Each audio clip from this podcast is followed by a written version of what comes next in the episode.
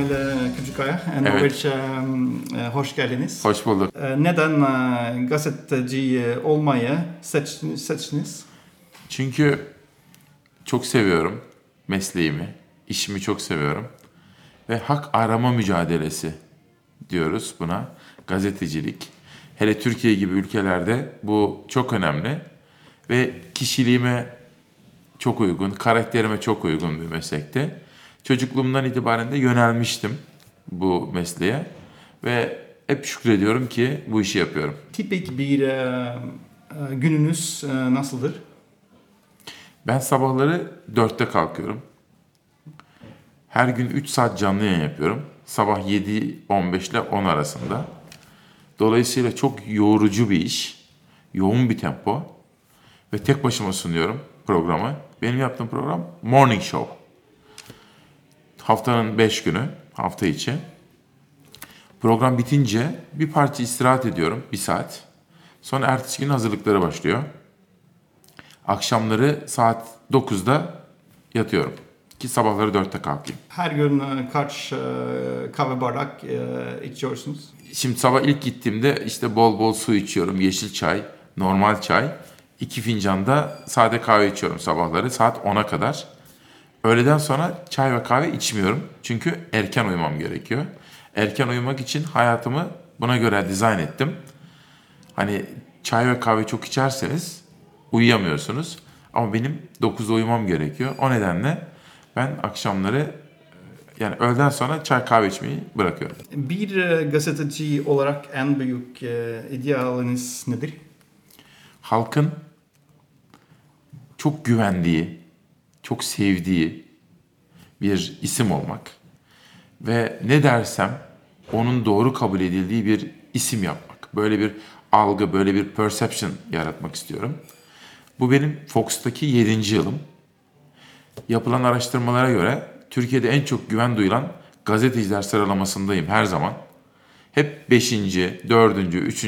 oldum bugüne kadar. Bunu sürdürmek ve ileride de Türkiye'nin en çok güven duyduğu gazeteci olmak istiyorum. Benim idealim ve hayalim bu. Fox'un e, doğrudan AK Parti kontrol e, edilemeyen tek TV kanalı olduğunu söylemek doğru mudur? Doğrudur. Tek demeyelim ama çok az televizyondan birisiyiz. Başka muhalif kanallar da var. Fakat biz Fox olarak muhalif kanal diye tanımlamıyoruz kendimizi. Biz editoryal bağımsızlığı olan, iktidarlardan çekinmeyen, bağımsız, tarafsız bir gazeteyiz, televizyonuz ve çok izleniyoruz. Halk bize çok güveniyor. Sabah ve akşam haberlerde hep biz birinci çıkıyoruz. Çok açık ara birinci çıkıyoruz. Çünkü biz iktidarın herhangi bir baskısı altında değiliz. İktidar kontrol etmiyor bizim kanalımızı, kontrol edemez. Çünkü bizim ım, tam bağımsızlığımız var. Ölüm e, tehdidi e, veya diğer çeşitli e, tehditler e, aldınız mı? Tabii gazetecilik Türkiye'de zor. Zor olduğu kadar tehlikeli ve riskli. Zaman zaman olumsuzluklar oluyor. Ölüm tehdidi demeyelim. Ama Türkiye'de özgürce gazetecilik yapmak bazı riskleri beraberinde getiriyor. Ama biz kendimize güveniyoruz ve herhangi bir riskten de çekinmiyoruz. Önlemlerimiz alındı. Dolayısıyla işimizi özgürce, özgür bir ruhla yapmaya devam ediyoruz. Korkacak bir şey yok. Bodyguard var mı? Var. Var. Korumamız var. Korumamız devlet koruması değil. Yani devletin verdiği polis değil. Bizim Fox'un bize sağlamış olduğu korumamız var. Benim de Fatih Portakal'ın da var. E, gazeteci e, Zeynep Aral 5 yıl önce e, reportaj e, yaptım. Sizinle. Al Jazeera'dan. E, çok sempatik. Evet. E, Ben nasılım? çok Ha. sempatik. Peki. Teşekkür ederim. Askeri e, diktatörlük altında gazeteci e, olmamın bu, bu- bugün olduğundan daha kolay olduğunu söyledi. O zaman e, yasaklanmış e, konuların bir e, listesi var. E, bunun hakkında ne düşünüyorsunuz? Şimdi Türkiye tam demokratik bir ülke değil. Hiç olmadı. Ama Türkiye bir faşizm de değil. Türkiye demokrasisini geliştirmesi gereken bir ülke, demokratik kazanımlarını koruması gereken bir ülke, demokratik kurumlarını güçlendirmesi gereken bir ülke. Ama şimdi Türkiye baskıcı eğilimleri olan bir iktidar tarafından yönetiliyor. Ama Türkiye yine de demokratik bir ülke.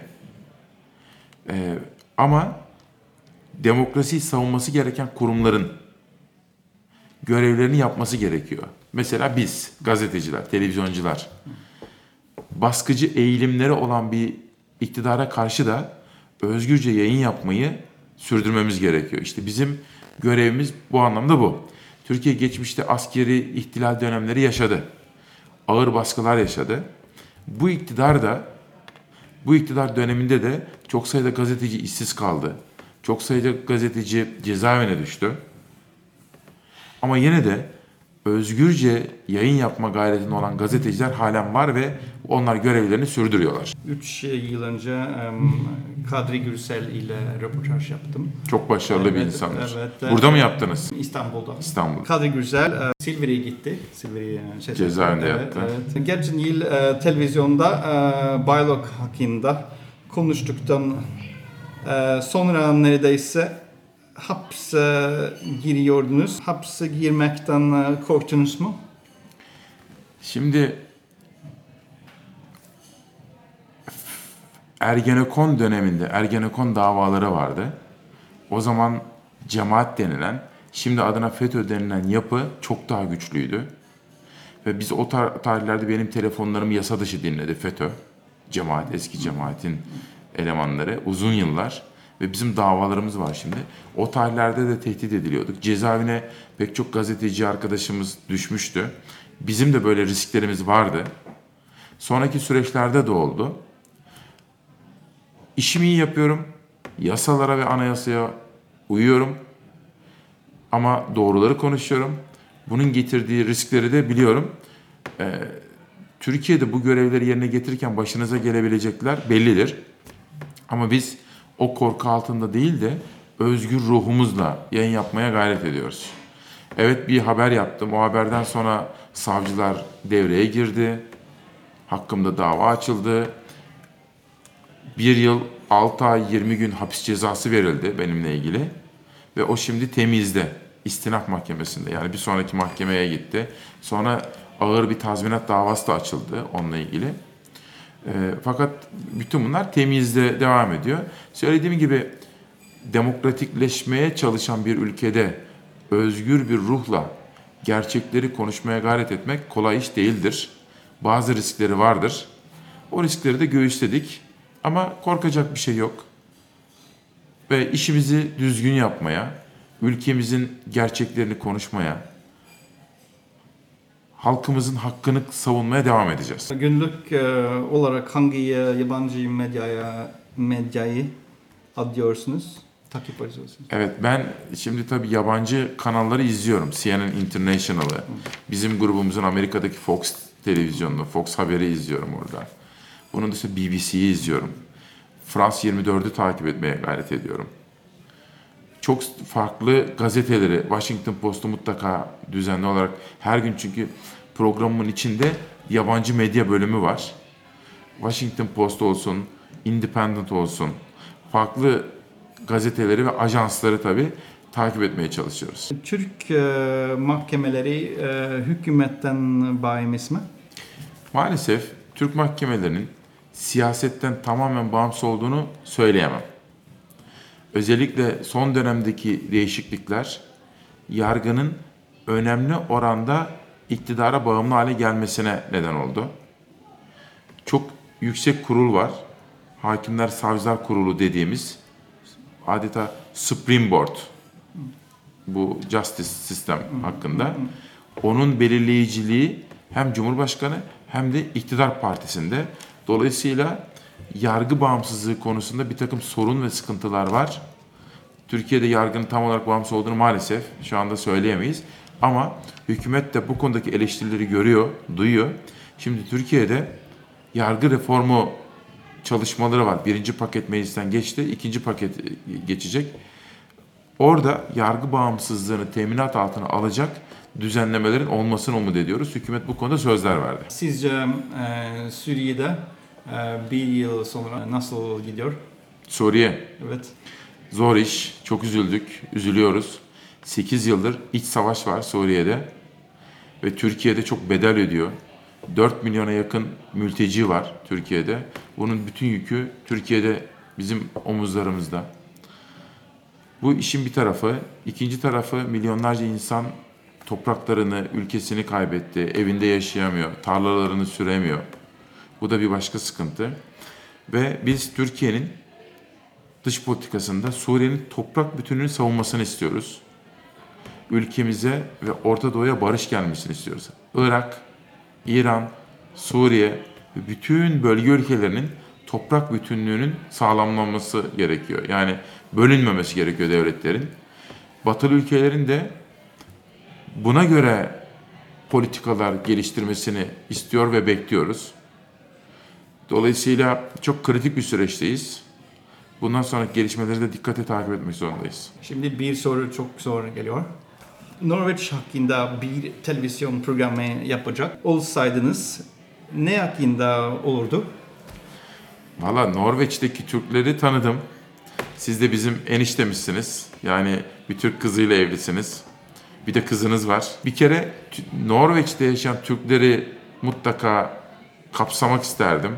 Yani ne yapıyorlar, nasıl yaşıyorlar çünkü tanışma imkanı buldum. Norveç çok özgün bir ülke, özel bir ülke ve Norveç'te yaşayan Türkler önemli. Bir kere bu. İkincisi, e, bugün sizin Savunma Bakanınızı tanıdım. Norveç parlamentosuna gittim. Savunma Bakanınızla kısa bir süre sohbet etme imkanı buldum. Ee, Türkiye ile Norveç arasındaki işbirliklerini konuşmak isterdim. Özellikle ülkeniz e, savunma sanayi konusunda çok gelişmiş.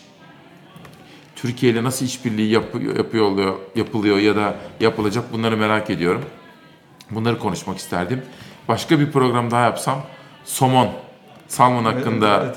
program yapmak isterdim. Burada ne yapılıyor, nasıl yetiştiriliyor, denizde mi yoksa işte çiftliklerde mi bunları faydası. Çünkü Norveç somonu Türkiye'de de çok seviliyor, çok yaygın.